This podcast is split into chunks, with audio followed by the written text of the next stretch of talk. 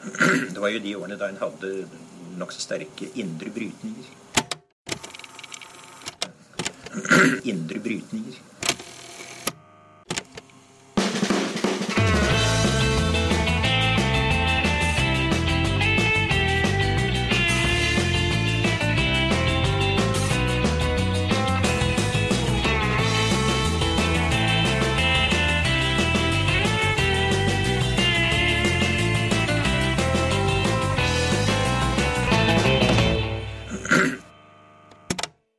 Velkommen til Noen har snakket sammen. Mitt navn er Tiril Russland Halvorsen. Og jeg heter Aksel Fjellavli. Det skjer jo mye i norsk politikk, eh, Aksel, med KrF og sånn, men i dag så tenkte jeg at vi måtte se litt ut i det store utland. Ja, det blir jo litt mye KrF også. Kan bli litt mye KrF selv for oss. Eh, for det er jo en del eh, ting som har skjedd denne uka i verden. Og så skal vi også få besøk av Katarina Bu, vår kollega, som har skrevet et nytt notat om økonomisk ulikhet og utviklingspolitikk. Eh, da fortrinnsvis i utviklingsland. Ja, og da tenkte jo vi at det passa å ta et lite sånn eh, sveip eh, Ja. rundt i verden. For det har skjedd en del ting den forrige uka som på en måte er et lite sånn miniatyrbilde av den tida vi lever i, på et vis. Ja. Med negativt fortegn, da. Ja. mye av det. Ja, for blant annet så har det jo Brasil hatt valg og fått en ny president.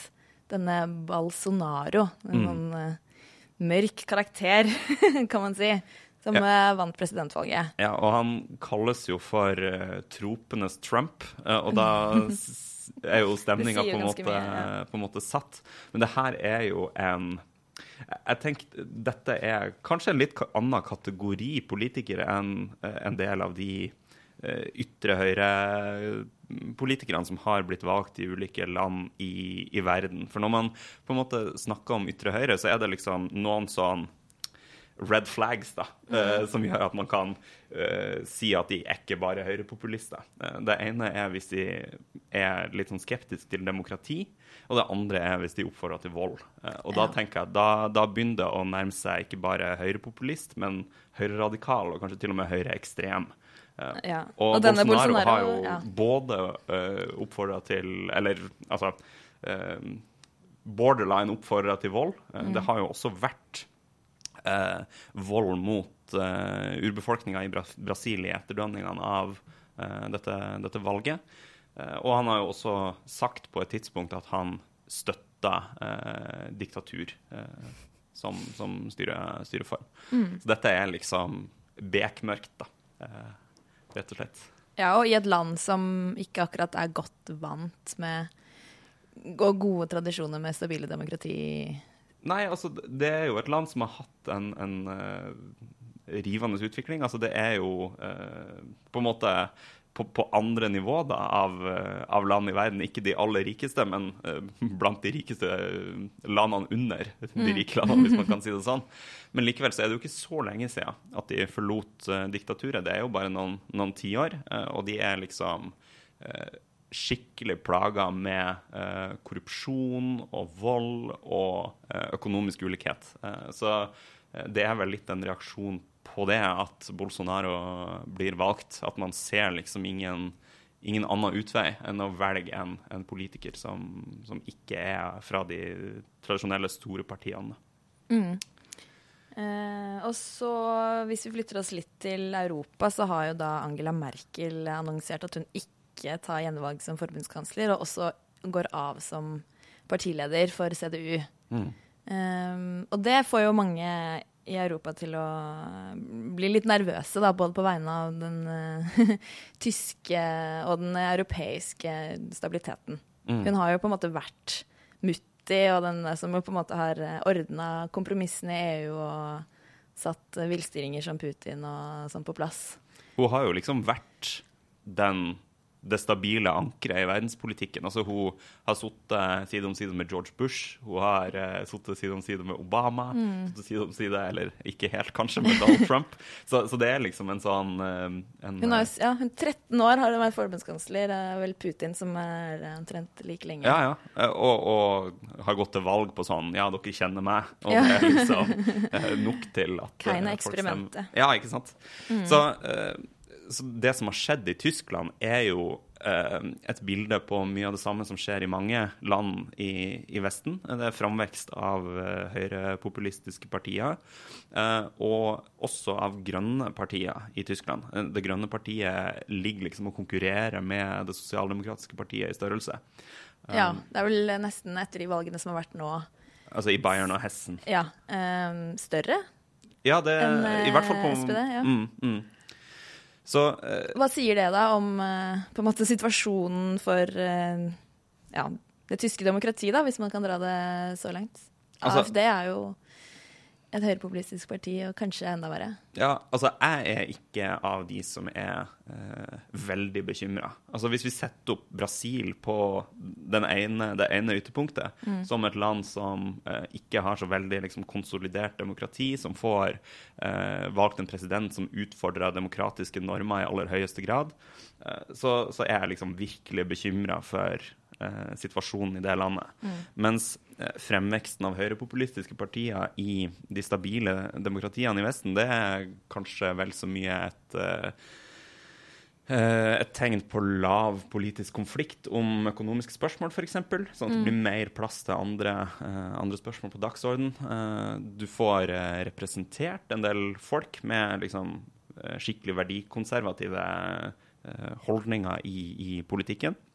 Og det er jo en, en god ting, eh, med, med tanke på at det er så mange av dem blant, blant velgerne. Og det at Ja, de der får en- flere blir representert Ja. i demokratiet. og, og eh, det at på en måte de politiske konfliktene i rike land um, blir strukturert litt rundt andre spørsmål, det gjør at man får en fragmentering.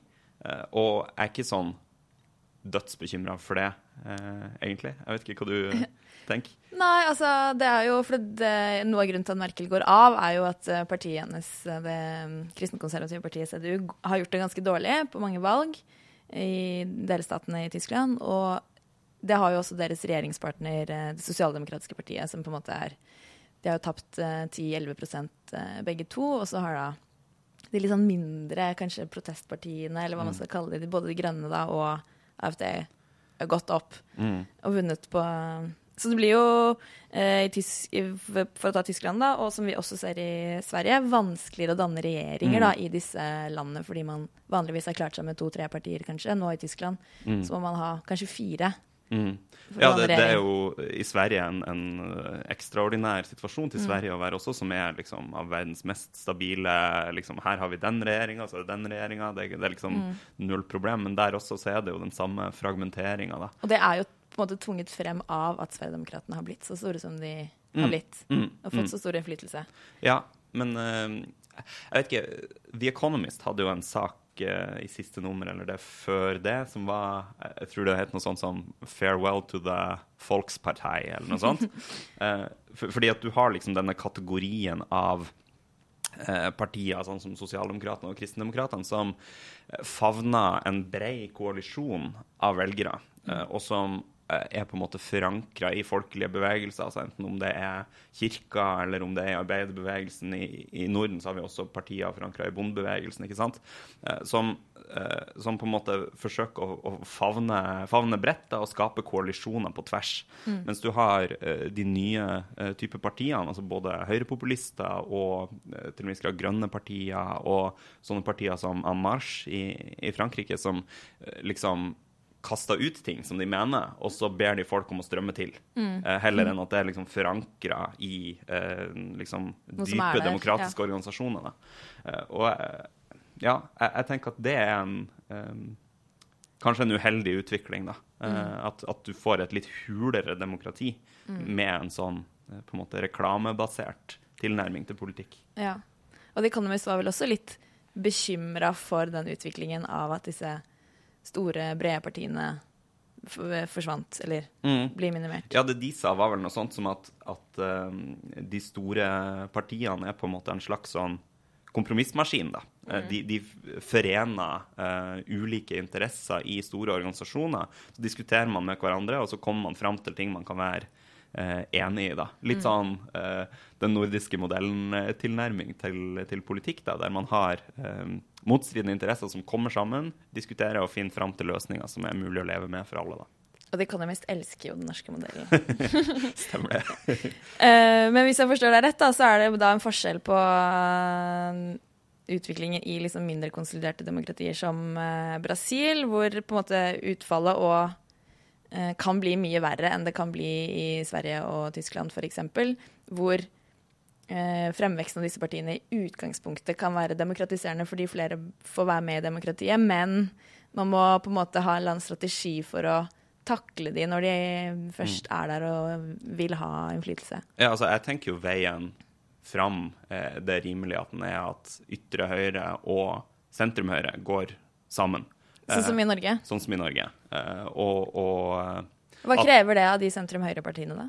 Nei, altså det krever jo at begge eh, gir og tar, da. Eh, og det er rimelig å tenke seg at sentrum-høyre blir litt mer verdikonservative enn de har vært. Altså det har vi jo sett f.eks. i Østerrike, et uh, parti som har gått ganske tydelige steg i retning av, av høyrepopulismen. Og samtidig så betyr det jo nødvendigvis at at uh, høyrepopulistiske partier må legge fra seg noen av de antidemokratiske uh, ryggmargsrefleksene de har på noen ting. Altså det å være mot uh, mediefrihet og det å være mot rettsstat og, og sånne ting.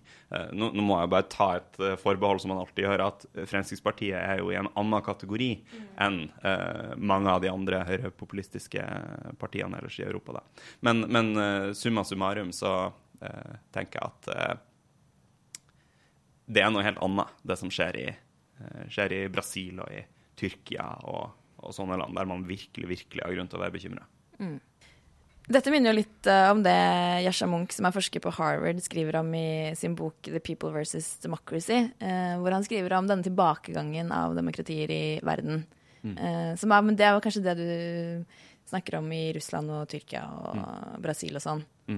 Uh, hvor man på en måte fortsatt har valg, men at de som blir valgt, ikke anerkjenner de liberale rettsstatsprinsippene, mm. som er viktig for å kalle seg et liberalt demokrati, da, i det minste. Mm. Og, og, Munch trekker jo fram liksom det som gjør, det gir grunn til å tenke at man skal ikke føle seg helt trygg heller i de etablerte demokratiene, fordi at man har holdninger hos en, en del folk som er liksom ikke så demokratiske som vi kanskje skulle, skulle ønske oss. da.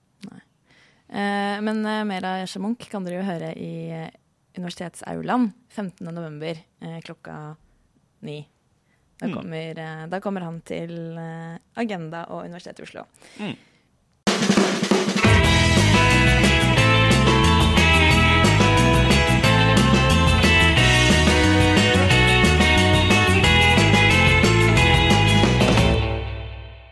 Da har vi fått uh, besøk av den andre halvdelen av utviklingspotensialet. Vi hadde Mathias her i Nå har vi nesten reklamert litt for mye. Ja, jeg vet. Men i hvert fall uh, Katarina Bu, som da er den internasjonale rådgiver i Tankesmien Agenda. Velkommen hit. Tusen takk. Forrige uke så arrangerte du en konferanse om norsk utviklingspolitikk og ulik, økonomisk ulikhet. Yes. På Doiga her med masse prominente forskere og politikere. Mm. Eh, og basert på det og mye arbeid du har gjort, så jobber du også med eh, et notat om økonomisk ulikhet og Stemmer. utviklingspolitikk. Ja, det er jo litt eh, det vi gjør i Tankesmien Agenda. Skrive notater. Ja. Eh, så det er jeg innspurten på nå. Notater og podkaster. Ikke sant? Ja, ja. Topp informasjon og kunnskap til folket. Veldig bra. Ja. Um, vi har jo snakket litt om, om, det valget i Brasil i dag, og um, hvordan det hvordan, mm. hvordan ser du liksom sammenheng der? Altså Når det gjelder eh, det som skjer i hva skal jeg si, mange land, da, også Bolsonaro blir jo på en måte kalt uh, Latin-Amerikas svar på Trump, uh, så er det jo vanskelig å peke på en måte én årsak som får disse radikale, ekstreme kandidatene til å vinne. Men, men det er flere forskere som har pekt på um, når det gjelder eh, USA, da, uh, at, for der har jo den økonomiske ulikheten uh, vokst enormt de siste par tiårene. Og det blir sett på som én årsak uh, til at måte, Trump kunne bli valgt. Da. Um, og i Brasil, så uten at jeg har sett liksom, noen ny forskning som sier noe om sammenhengen mellom Bolsonaro og ulikheten der. Men likevel så vet vi at altså, Brasil er jo en av de landene som over lang tid har hatt uh, vedvarende høy eh, ekstrem ulikhet. Eh, en av de landene i verden med høyest ulikhet. Og der gikk ulikheten en del ned på tidlig 2000-tall, eh, med den ganske også kontroversielle presidenten Lula da Silva eh, igangsatte jo en rekke reformer. altså Flere har sikkert hørt om Bolsa Familia og en del sånne sosiale eh, velferdsordninger. Mm, som faktisk fikk ulikheten eh, til å gå ned. Og jeg så en, fle- en rekke latinamerikanske land på det liksom mellom 2003 og 2013 i hvert fall, eh, at ulikhetene gikk ned med eh, regjeringer på venstresiden. Da. Og så har ulikhetene begynt å øke igjen eh, i de siste fem-seks årene. Så eh, jeg tror ikke jeg kan si at det er en direkte årsak til at Bolsonaro blir valgt, men, men, eh, men det er jo mange som stemmer med magen. Eh, det, er det, jo, det ser vi jo eksempler på mange land. Mm. Men eh, altså vi i Agenda snakker jo ofte om eh, liksom, økende økonomisk ulikhet i Vesten, og i OECD er jo ofte på en måte bildene vi, vi har, fordi det er land som ligner på Norge. Men uh, den tredje verden uh, snakker Ja, vi ikke så, ja. så mye om. Hvordan, uh, ser, hvordan ser bildet ut der? Ja. Er det liksom Den Hvordan er tredje ulikheten? verden, ja. ja det Akkurat de ordene der. det slutta vi å si på 80-tallet. nei da. Eh, det er helt greit. Um, ja, nei, altså den nyeste forskningen på ulikhet, eh, og liksom mest omfattende forskningen, eh, er det et veldig godt eh, forskningsteam i Frankrike som står bak. Um, hvor andre Thomas Piketty, som dere jo kjenner godt, eh, er en del av det forskningsteamet. De kom med en rapport som heter World Inequality Report eh, tidligere i år. Og de sammenfatter masse ulike typer data. Eh, ikke bare inntektsdata, men også formue, skattedata osv. Eh, av det de har klart å få tak i i alle land. Og det er jo noen land, og spesielt OECD-land, har jo mye bedre tall og statistikk eh, på dette enn eh, utviklingsland. Spesielt Afrika er det liksom mye dårlig tall og statistikk fra. Men det de sier sånn jevnt over, er at ulikhetene øker i alle land og regioner, så å si. Og så er det noen regioner den øker mest. I Europa øker den minst. Også i Asia og, og USA øker den mest. Eh, mens i regioner som da Latin-Amerika, men også Midtøsten og Afrika, er den på en måte vedvarende høy. Da. Den er ekstremt høy, og noen av de mest ulike landene ligger jo nettopp i disse regionene. Sør-Afrika f.eks. ses jo på som det landet med høyest eh, ulikhet, til tross for at faktisk regjeringen der har gjort en del eh, gode grep på ulikhet. Innført en del universelle velferdsordninger bl.a. Men, men det er ikke nok da, til å stagge den eh, ekstreme ulikheten. Så ulikhetene øker egentlig eh, jevnt over, er svaret på det. Men likevel så sier jo ofte, kanskje spesielt høyresiden, da, at ulikhetene går ned eh, globalt. Og det stemmer faktisk. Eh, både hvis man ser eh, mellom land, så uh, går den ned. Uh, Altså men- forskjellen mellom ett land og Ja, et annet land, ja. det blir mindre. Uh, Hvis man måler liksom gjennomsnittlig inntekt i hvert land mot hverandre, så går den ned. Men også hvis du ser hele befolkningen, hele jordas befolkning, så går den også ned. Men det skyldes eh, egentlig ene og alene pga. velstandsutviklingen i Kina. Altså På ganske få år så har jo Kina eh, løftet Eller folk har rett og slett arbeida seg ut av fattigdom. Altså Opp mot 800 millioner mennesker i Kina har jo, lever ikke lenger i ekstrem fattigdom. Så, men tar du bort Kina fra det globale regnestykket, så går ulikhetene i verden eh, betydelig opp. Og det er jo sånn at Ser man på den økonomiske veksten siden 1980 fram til i dag, så har 50% av den veksten tilfalt den 1% rikeste i verden. Så det er jo helt ekstreme ulikheter vi snakker om. Det, altså, ja. eh, det finnes noen veldig, veldig, veldig få rike, og så finnes det fortsatt veldig, veldig, veldig mange ekstremt fattige eh, i verden. Så dette bildet speiler jo eh, også på en måte utviklinga i EU, da, der eh, ulikheter mellom land har blitt mindre, og ulikheten mellom alle mennesker i EU har også blitt mindre. Ja. Altså pga. veksten i Øst-Europa, Ja. mens ulikheten innad i land har økt. Ja, og det er det som driver på en måte den globale ulikheten nå, er nettopp ulikhetene innad i land. Eh, og det er den som uroer økonomer og politikere og andre mest nå. At man ser at eh, du får sånn ekstreme eh, klasseskiller rett og slett innad i det samme landet. Da. Og Lenge har jo på en måte bistand og utviklingspolitikken dreid seg om å løfte folk ut av fattigdom. Og man har lenge hørt om én dollar, to dollars grensen osv. Og, så og at man vil utrydde fattigdom. Eh, Men i ditt eh, notat så skriver du jo mye om at det på en måte ikke er nok. Eller det, nå må vi begynne å se på den ulikheten som du snakker om. Ja. Hvorfor er det på en måte en forskjell? Altså, kort fortalt så er det jo ingen grunn til at det skal være ekstremt fattige mennesker i verden i dag. Det er nok ressurser, det er nok vann, det er nok mat, det er nok eh, penger. Eh, men de er ujevnt fordelt.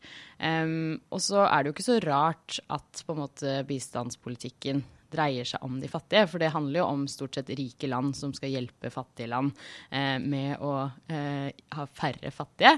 Um, men eh, det jeg argumenterer for i mitt notat, er at hvis man kun fokuserer på de fattigste eh, og innretter ordninger mot de fattigste, eh, så misser man på en måte deler av bildet. og faktisk mye av det det handler om, også fordi at det er flere og flere ekstremt rike innad i et land, så handler det jo nettopp om at godene også må fordeles innad i landene. Så hvis man sammenligner med Norge f.eks., så er det jo mange her, eh, også liksom, i det brede politiske spekteret, som ønsker universelle ordninger eh, som gjelder alle. Man ønsker ikke å rette ordninger mot de aller fattigste, altså det man gjerne kaller behovsprøvde ordninger. Mm. Um, og man har en skattepolitikk som nettopp skattlegger de rike, uh, sånn at de fattige må skattlegges mindre.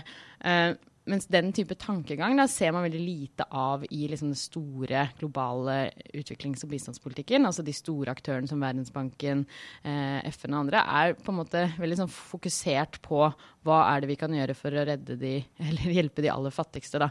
Eh, og det er jo på en måte ikke noe feil eller galt med det, men jeg mener at man misser deler av bildet. Da, og kanskje bør man tenke litt annerledes. Ha en mer eh, det man gjerne kaller rettighetsbasert utvikling. Eh, og eh, støtte opp om de ordningene som også er omfordelende. Da. Mm. Du eh, skriver litt om eh, Kina og utviklinga i eh, Kina. Hvordan man har klart å løfte store grupper da, eh, gjennom økonomisk vekst. Mm. Um, vil man ikke vil det ikke være nok da, å, å løfte gjennom økonomisk vekst i, eh, i utviklingsland eh, generelt? Altså, Klarer man ikke å løfte store grupper bare med å eh, bake kaka større? Ja, liksom? ja, ja. Det er jo en sånn klassisk økonomisk teori, det. og den trodde man jo på veldig lenge. at liksom trickle down-teorien. Altså hvis du bare får økonomien i gang og investerer, og så vil på en måte de rike bli rike først, og så vil etter hvert de fattige også bli rike rikere. Men den er på en måte motbevist eh, egentlig for lenge siden av de aller fleste forskere. Eh, fordi det vi jo nettopp ser, er at eh, det er små grupper som tar størstedelen av kaka. Um, så økonomisk vekst, ja, du må jo ha noe å fordele. Uh, og det er helt riktig, og jeg tenker det er veldig bra at f.eks. regjeringen nå, uh, som sitter nå, har fokus på jobbskaping og investeringer. Men parallelt med det så må man også eh, iverksette de politiske tiltakene som handler om regulering. Og jeg er vel kanskje redd for at man i en sånn iver, da, som eh, gjerne bistandsaktører og, og, donorer, altså Verdensbanken, eh, Norge, England, USA, andre store givere, har på en måte for stort fokus på eh, nettopp en sånn tankegang da, at hvis vi bare setter i gang økonomien, skaper investeringer, skaper jobber, så vil på en måte eh, det eh, løse fattigdoms- og ulikhetsproblemet. Men alt ligger i politikken, da, og det er sterke maktinteresser eh, i veldig mange land. Eh, I alle land er det det. Det handler om maktinteresser, og det handler om politikk. Eh, og hvis man ikke tør å diskutere de eh, fordelingstiltakene, de maktinteressene, så, så, så, tror jeg man ikke får til reell utvikling. Da. Utvikling handler om fordeling. Det handler om eh, politikk. det handler ikke bare om investeringer og, og, og økonomisk vekst alene. Tolker jeg deg da riktig som at det er først og fremst institusjoner for fordeling som er det viktige? Ja, og hvis du ser på Kina, da, ikke sant? Eh, det blir gjerne hyllet som et sånn eksempel nettopp som har gjort det, men Kina hadde en ekstremt sterk stat. Altså en stat som bestemte veldig, veldig mye, og det åpnet jo opp økonomien. Eh, men, eh, og det de gjorde, var jo å få veldig mange fra landbruket inn i industriell sektor. Og så er jo Kina eh, hva skal jeg si, har jo fått til masse riktig, men samtidig nå er jo Kina et av de landene hvor ulikhetene øker mest. Eh, og man nettopp er redd for å liksom, skape nye, store klasseskiller. Da. Eh, så det er jo eh, Jeg tror å ha en sterk stat som ønsker å skape utvikling, er helt, helt eh, kjempeviktig, selvfølgelig. Og det er nettopp det veldig mange utviklingsland ikke har. Men som var et av de hovedpoengene på, på konferansen vi arrangerte forrige uke, er at det er ikke sånn at veksten må komme først, og så fordelingen. Eh, ser man på Norge, Storbritannia, andre land som en gang var veldig fattige, så nettopp satte de i gang eh, sosiale velferdsordninger parallelt med at de skapte eh, arbeidsplasser og fikk folk ut, inn i utdanning osv. Så, videre. så det er ikke sånn at det ene må komme etter det andre. Du kan faktisk som et fattig land iverksette eh, velferdsordninger for de fattige som bidrar til å omfordele den veksten du parallelt skaper, da, hvis jeg kan si det på den måten. Mm. Men ja, fordi da har man måtte, gått litt vekk fra matvareprogram og vaksineprogrammer og til noe litt eh, mer større og komplisert. Eh, hvordan skal på en måte eh, Norge da mm. gjøre? Hva skal man begynne å gjøre? Hvordan skal man liksom bygge en institusjon i et land i Afrika? Ja, jeg Norge gjør veldig mye bra, det må jeg først si. F.eks. utdanning og helse har jo vært to viktige prioriteter for uh, mange regjeringer opp igjennom. Um, og det er ikke noe galt altså vaksine, De store vaksineprogrammene f.eks. har jo helt utvilsomt uh, reddet eh, millioner av barneliv. ikke sant? Det er jo kjempebra og veldig viktig. Men Eh, skal du skape gode samfunn for, på lengre sikt, så må du også bygge systemer. Og Ser man f.eks. på ebolakrisen, da, eh, som rammet mange vestafrikanske land for eh, et par år siden, så hadde jo ikke de noen eh, De hadde ikke noen fungerende helsesystemer. Altså de hadde ikke et vertikalt Nei, unnskyld, et horisontalt system. Så det man har vært, vært, veldig fokusert på, både med tusenårsmålene først, som var veldig sånn nå skal vi få alle barn inn på skolen. Nå skal vi redde masse barneliv. Eh, og veldig sånn push på liksom veldig sånn tekniske, eh, vertikale ordninger. Store vaksineprogrammer osv. Og, så og så har man på en måte i den iveren etter å få resultater eh, på en måte glemt hva det er som egentlig fungerer for folk på lengre sikt. Da. Og da må du skape gode eh, skoler som faktisk har godt utdanna lærere, hvor eh, barn kan gå til som er i nær eh, Som man ikke må gå for langt, som fungerer som er. Og så ser man masse barn er inne i skolen, men de lærer ingenting. Eh, jeg har selv vært lærer på en eh, skole i Uganda. Altså 200 elever i et klasserom, eh, ikke noen skolebøker. Altså, det er mange barn som går på skolen i mange utviklingsland, men som rett og slett ikke lærer noen ting. Eh, og så er også helse, da, selvfølgelig, som også er veldig viktig. Altså, eh, man ikke har tilgang på gode helsesystemer. Så det jeg egentlig mener er, og Norge kan ikke gjøre alt, og vi har 35-6 milliarder på bistandsbudsjettet, og det må vi bruke klokt. Men jeg mener at mer må innrettes eh, nettopp mot, mot systembygging. Og I notatet så peker jeg på tre områder hvor jeg mener at Norge kan gjøre mer. Eh, og litt annerledes. Og det at vi har hatt veldig stort fokus på jobbskaping. Og, eh, og, det er viktig, fordi veldig veldig mange unge mennesker står uten jobb i utviklingsland. Men man må sikre at de jobbene er anstendige. Eh, så et større fokus på anstendighet og nettopp fagbevegelsens rolle, som også er en maktfaktor i mange utviklingsland. Eh, og så peker jeg på dette med skatt, eh, hvor vi må gjøre mer internasjonalt, for det er et internasjonalt stort problem. Veldig masse penger tas ut fra utviklingsland eh, og inn i skatteparadis. Altså det rammer jo Norge rammer, eh, og alle rike land, men det rammer også fattige land eh, fordi de er så avhengig av selskapsskatt. Um, og Norge kan jo også gjøre mer i å bygge og støtte oppbyggingen av gode skattesystemer, sånn at landene kan ta inn mer penger selv. Da. Og det gjør Norge litt på, eh, men det er fortsatt en veldig fislete liten del av bistandsbudsjettet sammenlignet med de store, store pengene. Så det mener jeg at vi kan gjøre mer også. Um, og så er det dette med sosiale velferdsordninger, da, hvor Norge egentlig nesten ikke gjør noen ting. Vi har noen sånne cash transfer-programmer i det humanitære arbeidet. Uh, men det er faktisk mange utviklingsland som ønsker å iverksette og har iverksatt universelle velferdsordninger, uten at på en måte bistandsgivere er så veldig positive til å støtte den type ordninger, da, fordi de nettopp vil jo rette sine penger mot de aller fattigste, og ikke lage sånn universelle ordningsprogrammer som vi vet at fungerer. Mm. Så um, en litt mer sånn maktkritisk bistands- og utviklingspolitikk er vel det jeg ønsker uh, å se at Norge har, da. Men eh, så, sånn sett, sett utenfra, eh, bistandsdiskursen, eh, der er jo én sånn eh, Et sånn argument som på en måte er til stede, er jo hvordan at man må ha bistand som virker. Mm. Eh, og det betyr jo med andre ord at man må måle noe, mm. Eh, og så må man ha en eller annen output. Ja. det å bygge skattesystemer ja. og det å bygge et organisert arbeidsliv og sånn, det, det, får man ikke gjort på fire år. da, Nei, på en måte. Det, litt, eh, det, går jo litt mot en sånn ja. bistand som virker. Ja, dessverre. Og det tror jeg nettopp, der du, treffer du spikeren på hodet. Jeg tror nettopp at veldig mange bistandsgivere, Norge inkludert, er nesten mer opptatt av å på en måte sikre legitimitet i egen befolkning, altså blant norske skattebetalere, for å se hva vi bidrar med, og se hva vi har fått til i vår Altså, eh, en regjering sitter jo gjerne bare fire år, eh, kanskje åtte, og at man gjerne vil vise til resultater når man i den perioden har vært utviklingsminister eller liksom hatt ansvar for bistanden. Um, men nettopp å skape og bygge eh, gode samfunn tar tid, da. Um, så det, er, det tror jeg er en helt sånn eh, et veldig, veldig sånn vanskelig dilemma. Eh, for jeg skjønner jo at politikere vil det òg. Men ser man internasjonalt på bistanden, så har den blitt eh, mye mer preget av en sånn korte resultater. Eh, til tross for at man gir til sånne store fond i større grad enn uh, Ja, for også de er jo investerer i prosjekter, og Verdensbanken setter i gang i store prosjekter hvor de får penger fra fond, men det er jo gjerne en sånn businessplan som skal leveres på i løpet av to år, f.eks. Ett mm. eller to år så skal vi ha sett det og det resultatet. Um, og for alle de som lytterne som eventuelt har vært innom bistandsverdenen eller jobbet med bistandutvikling, så vet man at liksom, et prosjekt skal liksom puttes inn i et sånn logframe, kaller man det, som er sånn ren sånn new public management. sånn dette er det vi putter inn, og dette er outputet, og dette er outcomet, eh, sier man gjerne da. Da skal det vises til på så så kort tid. Men altså, utvikling er jo kjempemessig, eh, var det norske ordet, rotete. Eh, å skape gode samfunn.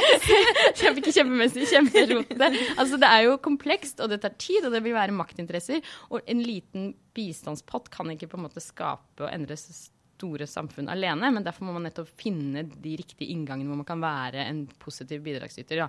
Så da, da må man også jobbe for uh, lengre perspektiver da, i disse store Ja, jeg mener det. Um, det er mye liksom det er mye vi gjør bra og riktig i bistanden. og en sånn der, Det er veldig populært å si at bistand virker ikke. og veldig ofte sånn, Aftenposten kommer med noen sånne saker om eh, fly i Zambia som er kjøpt av rike presidenter, og så tenker alle nei, bistand virker ikke. Men ser man jevnt over på forskningen, så virker bistand. Og den virker spesielt på prosjekt- og programnivå. Men å gi bistand liksom eh, verken både skylden eller liksom, eh, rosen for at et land får til utvikling, det er umulig. Fordi for det første er, utgjør bistand en veldig liten del av lands eh, penger som går inn i et land. Altså private investeringer, eh, lån, eh, helt andre kapitalstrømmer er mye, mye større. Og så avhenger det av eh, som alt annet, politikken da, og de som sitter med makten. Så um, jeg tror man kan få til veldig mye bra med bistand, og vi får til mye bra i dag. Men jeg tenker at man bør tørre å tenke um, mer langsiktig mer helhetlig, og så finne de eh, mulighetene i det enkelte land. Eh, for det kan godt være at i ett land vil det være Oi, her er det interesse og vilje til å bygge en god riksrevisjon. Eh, og det vil ha veldig positive resultater på lengre sikt. Et annet sted vil det kanskje ikke være vilje til det. Der er det kanskje masse vilje til å nettopp bygge gode helsesystemer, og da bør man gjøre det. Så det, det er liksom ikke noe ett svar eller én løsning. Eh, men jeg tenker er en grunn til at vi er et rikt og velfungerende land i Norge. Det er fordi vi har gjort noen riktige politiske grep. Og det er ikke sånn at alt det kan overføres nødvendigvis til ethvert land. Men jeg tenker Norge bør være stoltere av den gode omfordelende velferdsstaten, og ikke være redde for å ta med oss den lærdommen når vi også eh, samarbeider med andre land. Da. Og, og, mm. og, lære bort, rett og slett, eh, mm. våre progressive skattlegging, våre sosiale velferdsordninger. Fordi rett og slett den type virker, da, og det er det som er god utvikling. Mm. Jeg tenker også sånn type handlingsregel og oljefond er vel også noe man kan eh, lære bort til en del land som sliter med høy ulikhet. Ja, og veldig mange og land ressurser. har jo masse naturressurser. Eh, så Olje for utvikling er jo ett program Norad har, eh, og Skatt for utvikling er et annet. Eh, så liksom hvordan vi har forvaltet naturressurser er jo eh, absolutt noe vi allerede lærer bort, men bør gjøre mer også. Eh, og så kan man jo selvfølgelig stille spørsmålstegn om vi bør ivre etter at andre land bør pumpe opp masse mer olje. At altså, kanskje grønn energi er, og, er Ja, men det kan jo overføre sikkert andre typer ressurser. Absolutt, absolutt. ja også mm. i Norge. uh, ja, det var det med politikerne. Ja. Men, ja. ja. Spør om det, du. Ja, OK. Ja, uh, for dette, dette, er jo en litt uh, I hvert fall for meg som ikke er så inne i det, det å snakke om utvikling i Nei, en gang til. For meg som ikke er så, så inne i utviklingspolitikken, det å snakke om ulikhet er liksom en, en ny måte å tenke på. Jeg mm. liksom tenker, ja, Fattigdomsreduksjon er liksom uh, det man gjør. punktum. Mm. Men, men, hvordan ser liksom den, det politiske landskapet ut i Norge på disse spørsmålene her? Jeg Tror du det er gehør for uh, den type politikk som blir foreslått? Ja, det er ikke noe sånn veldig revolusjonært det jeg sier. Altså, um, IMF, Verdensbanken, World Economic Forum, eh, alle de store aktørene også som liksom er deltakende i, eh, i, utviklingsdebatten internasjonalt, har jo også i flere år vært bekymret for ulikhet. Og det man ser, er jo at ulikhet også er negativt for fattigdomsbekjempelse, og det er negativt for økonomisk vekst. Eh, er, og har veldig mange andre grunner til at det er negativt. Så det er jo eh, Nesten alle i et politisk spekter er enig i at utvikling er negativt. Eh, men så er det kanskje de politiske løsningene likevel fortsetter å være fokusert på fattigdomsbekjempelse. Eh, og i Norge så eh, kom jo de rød-grønne eh, året før de gikk av, så kom jo de med en stortingsmelding eh, som heter 'Dele for å skape', som ble ført i pennen av Heikki Holmås og hans team. Og eh, den sier jo egentlig veldig mye av det samme som jeg sier i notatet. Ikke overraskende, når den kom i 2013. Verden har ikke endret seg så mye de siste årene. Eh, men den peker jo nettopp på det. Og i den debatten vi hadde på konferansen forrige uke, så var det jo kanskje det som var argumentet fra Arbeiderpartiet, og, og som var Marianne Martinsen som stilte der, og Audun Lysbakken fra SV, at nettopp de har nok en litt mer sånn eh, både fokus på institusjoner, men også en mer sånn maktkritisk og, eh, inngang da, til utviklings- og bistandspolitikken. Og så er det jo litt sånn av alle politikkområdene i Norge, så er jo ofte bistandspolitikken der politikerne er mest enige. Mm. Eh, og det er liksom vanskelig å skape debatt, og det sa jo Nikolai Astrup, utviklingsministeren også. Hvorfor kommer dere ikke mer på Stortingets talerstol og stiller meg disse kritiske spørsmålene? Jeg vil gjerne bli kritisert, jeg vil gjerne få spørsmål. Mm. Eh, så det var en god oppfordring til, til opposisjonen. Men det var også eh, noe alle tidligere utviklingsministre hadde, Absolutt, hadde opplevd? da, ja. Lite debatt? Ja, dessverre. Så jeg, det er jo jeg, jeg som syns at dette er det viktigste og mest spennende i hele verden. Jeg skjønner ikke at ikke flere eh, debatterer det. Og det er mye makt og ulike innganger og politikk også i, eh, i uh, utviklingspolitikken. Eh, men sånn grovt sett da, så kan du jo kanskje si, og det er ikke bare Norge, det er noe som skjer internasjonalt, altså et liksom større push på kort kortsiktige resultater, som jeg sa i stad, men også eh, nettopp skape jobber, investeringer, mer sånn lånefinansierte mekanismer. Eh, mens det er mye mindre av den mer nå gjør jeg gåsetegn, eh, mer sånn tradisjonelle bistanden da, som handler om nettopp stat til stat. Man gir jo nesten ikke penger direkte til, til utviklingslandenes myndigheter lenger. Eh, det eh, mener jeg er litt problematisk, for jeg mener man kan ikke gå utenom en stat og myndigheter, selv om ja, det er mye korrupsjon. Eh, men eh, eh, også at det er litt mer sånn fokus på privatisering av velferdsordninger, eh, skape investeringer i næringslivet. Det er på en måte den trenden som kanskje denne regjeringen mer har vært opptatt av. Da. Så det er kanskje det tydeligste skillet mellom høyre- og venstresiden når det gjelder utviklingspolitikk eh, i Norge. Og ser man på f.eks. statsbudsjettene de siste årene, og hva opposisjonen har måte vært kritiske til, så er det nettopp Eh, den type at man ønsker å for det første sikre at privat, altså bistand som går inn til privat sektor f.eks., eller via Norfund, som er en eh, eh finansieringsinstitusjon nettopp for investeringer i, i næringslivet, at man er mer tydelig på at det faktisk gir en utviklingseffekt da, i, mm. på bakken. Så det, eh, Han fikk jo litt skryt for å snakke mer om skatt, da. Ja, ja. Så det, det kan vi jo følge med på om det Om det fortsetter. Ja, det har jo vært noe jeg har vært opptatt av i mange år. Så det er veldig, veldig, det lå liksom helt nede under Børge Brende. Det også var noe de rød-grønne satte i gang, dette Skatt for utvikling.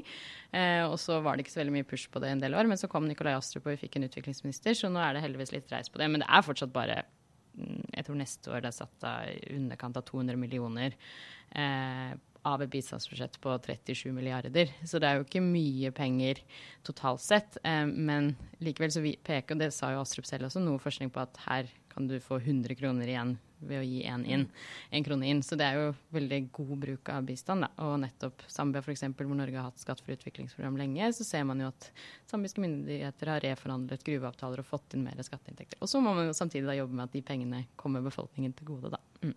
For, for, dere som er interessert i å høre hele denne debatten da, som var på den konferansen, så ligger den på forrige episode av Utviklingspotensialet. Så det, den kan dere høre. Uh, ja, tusen takk for at uh, du kom hit, uh, Katarina. Takk for at jeg kom. Med. Veldig hyggelig. Endelig fikk jeg komme til Nå tror jeg nesten, nesten alle fra Agenda inne. Topp. det var veldig, veldig hyggelig. og så, ja. må de som er interessert, høre på utviklingspotensial. da. Høre ja. mer om utviklings- og bistandspolitikk. Ja. Mm. Eh, ja, det var litt sånn Urix-spesial i dag, eh, Aksel. Ja.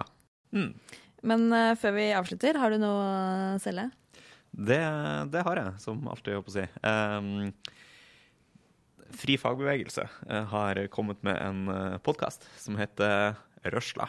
eh, som eh, jeg syns var overraskende bra. Det er liksom litt mer sånn eh, hva jeg skal si, reportasjebasert enn det vår uh, podkast er. Så det, mm, det anbefales. Jeg har hørt en episode som handla om eh, tannhelse, og en som handla om søvn. Eh, og ja, mye, mye bra. Så det, det anbefaler jeg å sjekke ut. Spennende. Røsla der, altså. Ja. jeg bare registrerer at det er 1. november i dag, og at uh, det lenge har vært uh, julebrus, uh, pepperkaker og annet julestæsj i butikkene, og jeg syns, jeg syns det er for tidlig. så på en måte så er jeg litt sånn 80 år gammel og sur, og på den andre siden så er jeg 14 år og gleder meg helt ekstremt til det blir ordentlig jul. Så din anbefaling er Vent med jula. Hold det inni deg litt til, så blir det så mye bedre når du endelig kan sette på julemusikk og drikke julebrus. Det, det. Det er notert. Ikke dra det ut. Det blir ikke like gøy når det først eh, Nei. skjer. Nei. uh, ja, greit. Men da tar vi opp tråden neste uke. Mm, det gjør vi. Vi høres. Det gjør vi.